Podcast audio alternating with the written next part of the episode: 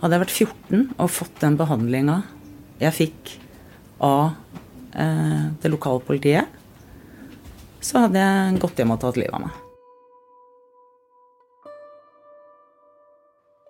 Mange lever i frykt. Frykt for at én bestemt person vil skade, eller i verste fall drepe deg. Men hva om denne personen er helt ukjent? Det skjedde med Hilde Bygdevold. Hun levde i frykt for å bli oppsøkt av fremmede etter at noen hadde laget en falsk profil i hennes navn på en datingside. For denne noen skrev at hun fantaserte om voldtekt. At noen legger ut navn og adresse og bilder og oppfordrer til gjengvoldtekt. Bare gå rett inn. Hva slags beskyttelse får du når du ikke vet hvem som truer deg? Du hører på Forklart fra Aftenposten, en podkast der vi tar for oss én nyhet i hver episode. Jeg heter Synne Søhol, og det er Valentines, onsdag 14. februar. I dag om nettdatingmarerittet til Hilde Bygdevold.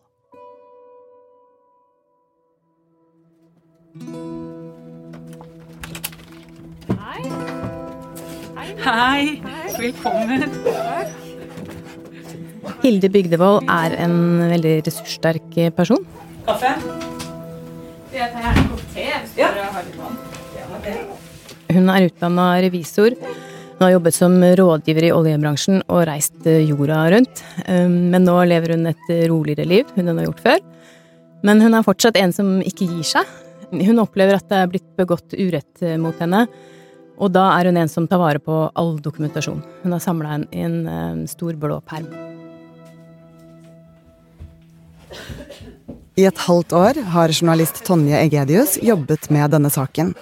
Og i høst var hun hjemme hos Hilde i et stort, 100 år gammelt hvitt hus på landet.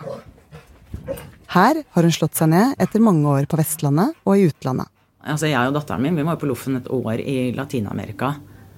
Flytta til Australia for å ta masteren min. Og til London med Exxon.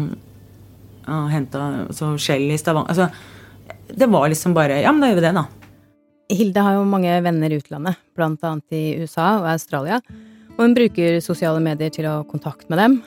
Men hun sier til meg at hun ønsker ikke å kaste bort masse tid på sosiale medier. Da leser hun heller en god bok. Hilde er nå blitt eh, mormor um, og har flyttet til et eh, gammelt hvitt hus på landet. Der er det høner, eh, haner, kaniner, hun har flere katter og en hund, omgitt av mange dyr. Um, Da jeg besøkte henne, så var det sopp og bær overalt. Kjøkkenbenken var full, som hun sjøl hadde plukka. Og i kjelleren så var det liksom rader på rader med hjemmelagd saft. Ripssaft eller uh, solbærsaft eller Uh, Hilde er også veldig kreativ. Strikker og hekler og sånn. Men en novemberkveld for et par år siden, mens hun satt hjemme i godstolen og strikket, skjedde det noe som skulle snu livet hennes på hodet. Det var liksom førstemeldinga, da, ikke sant? Og så kom det en til. Og så en til. Og så begynte det å ringe.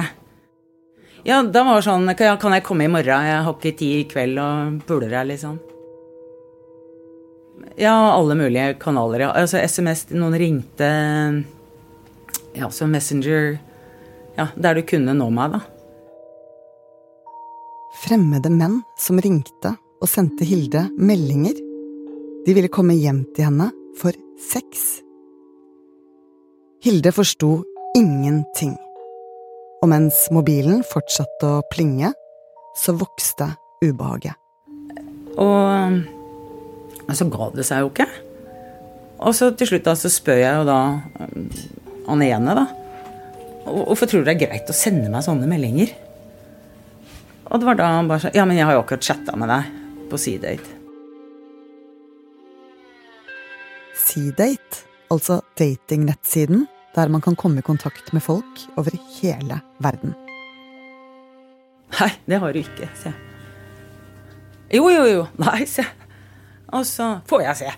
Ikke sant? Og, ja, og så sender han meg kopi, da. Eller sånn screenshot, da. Da, da bare kjente jeg bare svetta i hendene og svetta oppover. Det var mine bilder. Og jeg bare sånn Ja, men det er jo meg. Altså, dette er jo meg. Og jeg var ute etter tilfeldig sex. Og en helt vill fantasi om voldtekt, helst av flere, men det er umulig å få til. Smilefjes. Da har de jo altså lasta ned Facebook-profilbilder, da. Og det var liksom Jeg bare ja, Jeg skjønte ingenting. Alt lå der. Navn, bilde og hvor hun bodde. Men det var bare det at Hilde Bygdevold aldri hadde opprettet noen datingprofil.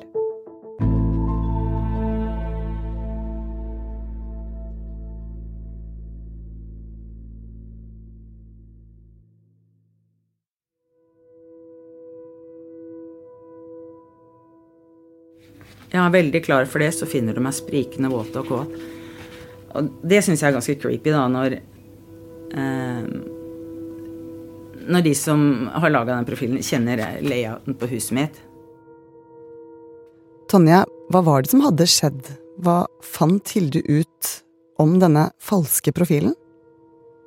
Den som hadde laget den profilen, hadde i nesten to uker chatta med fremmede menn i hennes navn. Um, og på profilen så sto det hvilket område hun bodde i. Og i meldinger med disse fremmede mennene, da, så var det oppgitt adressen hennes, navn, telefonnummer og lagt ved et digitalt kart og hvordan man kunne komme dit. Det sto hvor soverommet hennes var. Det sto sånn 'låven er rød og huset er hvitt'. Um, og det var avtalt flere konkrete sexdater hjemme hos henne. Um, og det sto også i én melding at hun fantaserte om voldtekt, helst av flere. Hvordan reagerte hun på dette her? Hun ble kvalm, kjemperedd. I starten så hadde hun problemer med å sove, turte nesten ikke å dusje, for da hadde hun ikke kontroll.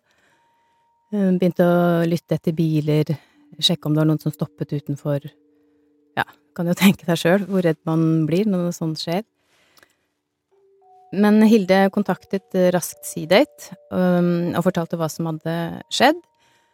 Og da hun etter hvert fikk svar fra dem, så um, svarte de at de ikke klarte å finne den profilen. Eh, de trengte e-postadressen til den som hadde laget den, for å finne den, og den hadde jo ikke Hilde. Og så mente Seadate at dette antageligvis var en som hadde registrert seg hos dem som en sånn gratisbruker, for det kan man hos dem, så um, siden det å date er litt sensitivt, så sier Seedate at de i tråd med EUs personvernregler ønsker å oppbevare så begrensede data som mulig, da. Så de kom til at um, denne brukeren måtte ha slettet den profilen, siden de ikke fant den, og da var det dessverre ikke noe de kunne gjøre. Dataene rundt den var også borte. Så de som opprettet en gratis profil, trengte ikke å gi fra seg noe særlig persondata. Men Hilde gikk til politiet og anmeldte saken. Kanskje de kunne finne ut noe mer? Politiet sier at de kontaktet Seedate for å høre om de hadde informasjon om denne brukeren. Det hadde de jo ikke. Dataene var borte, og dermed så hadde ikke politiet noen digitale spor å gå etter. De henla saken første gang etter tre dager. Så all data, all informasjon, var rett og slett helt borte? Ja, det er sånn Seedate tolker det som heter artikkel 17 i GDPR-reglene, eh, og den handler om retten til å bli slettet. Og de tolker den veldig strengt, at den retten står sterkt, da. Så hvis noen ber om at en profil skal slettes, og de ikke vet om liksom, noen veldig god grunn til å beholde dataene likevel, så, så velger de å slette den. Og da blir all informasjon om kjønn, sivilstand, IP-adresse, sånne ting, det blir også da borte. Du vet alle de gangene du klikker deg inn på en nettside om å samtykke og godkjenne lagring av private opplysninger? GDPR-reglene, altså behandling av personopplysninger, er ment å beskytte deg, sånn at dine private opplysninger som navn, bilde og e-postadresse ikke blir misbrukt av andre. Men nå kan tolkningen av disse reglene ha beskyttet en kriminell handling. Ja, hvordan har politiet jobbet videre med saken? Hilde søkte etter hvert innsyn i saken sin. Eh, hun fikk bistandsadvokat, og klaget henleggelsen inn til statsadvokaten. Og de påla politiet å gjenoppta etterforskningen. Men uten digitale spor å gå etter, så var det ikke så mye mm, de fikk gjort. Og politiadvokaten sier at hun har stor forståelse for Hildes situasjon. Samtidig påpeker hun at politiet har begrensa ressurser, og hun mener at hvis politiet mener at det ikke er potensial for å oppklare en sak, så bør den henlegges. Og etter ett år etter at Tilde hadde anmeldt saken, så kom statsadvokaten fram til at uh, gjerningspersonen bak dette lar seg ikke identifisere. Altså politiet har ingen mistenkte i saken? Nei. De aner ikke hvem som har gjort dette. Har ingen mistenkte.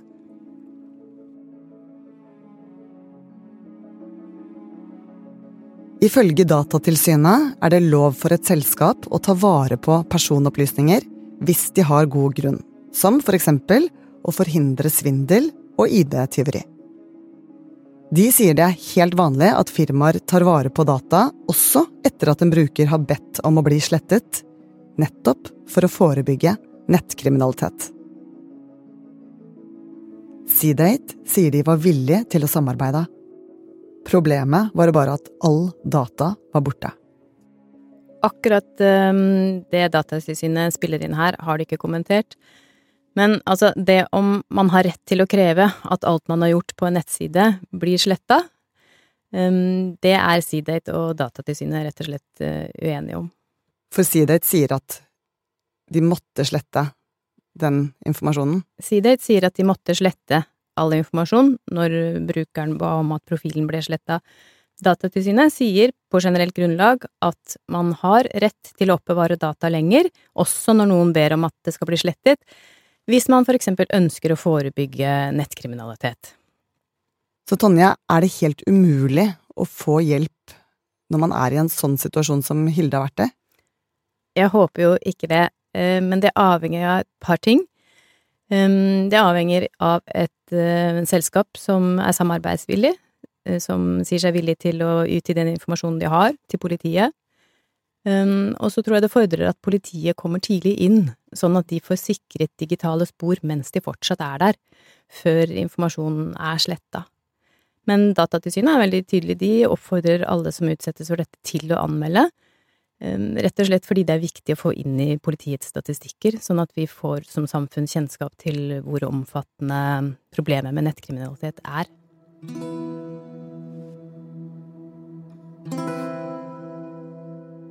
To år etter at Hilde satt i stolen og meldingene begynte å tikke inn, tenker hun på hvor mye frihet hun har mistet. Du mister helt eh, tryggheten i hverdagen din. Du, du blir redd for eh, det meste. Du vil ikke ha besøk, eh, for du vil ikke at dette skal skje med noen du er glad i. Eh, julaften um, Barnebarnet mitt fikk lov til å være her én natt. Altså, du sover jo ikke. Uh, du, altså, det går en sånn kvern hele tiden, og så er det sånn derre Hvem er dette her? Denne saken har fått stor innvirkning på Hildes liv. første jeg gjorde, var å skru ned husnummeret mitt og sette på et annet et.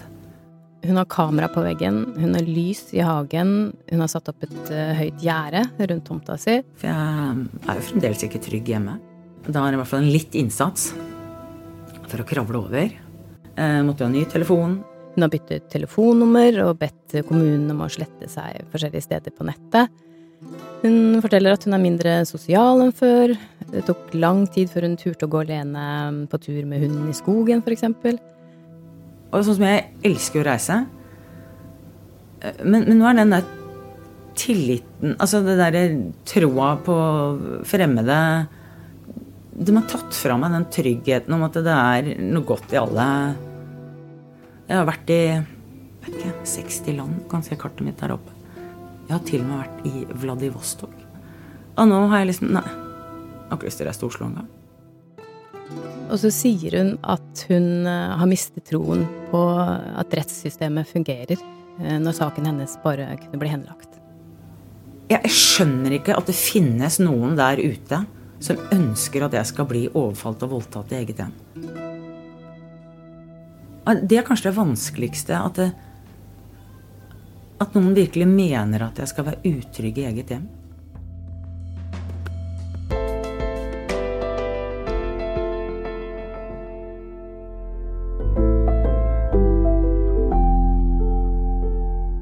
Du har hørt en podkast fra Aftenposten. Det var journalist Tonje Egedius som fortalte historien til Hilde Bygdevold, og som har tatt opp lyden du hørte. Denne episoden er laget av produsent Fride Næss Nonstad og meg, Synne Søhol. Resten av Forklart er David Vekone, Philip A. Johannesborg, Heidi Akselsen, Anders Weberg og Olav Eggesvik. Hvem tjener på at maten vår blir dyrere? Er det du som sitter igjen med de ti prosentene? Eh, nei. Det er ikke noen store penger å hente for oss i dette greiene her. Det gjør man selvfølgelig for å tjene mer penger. Det er ikke sånn at det forsvinner noe penger noe sted. Hør sesongåpninga av Dypdykk hos Aftenposten eller Podmy.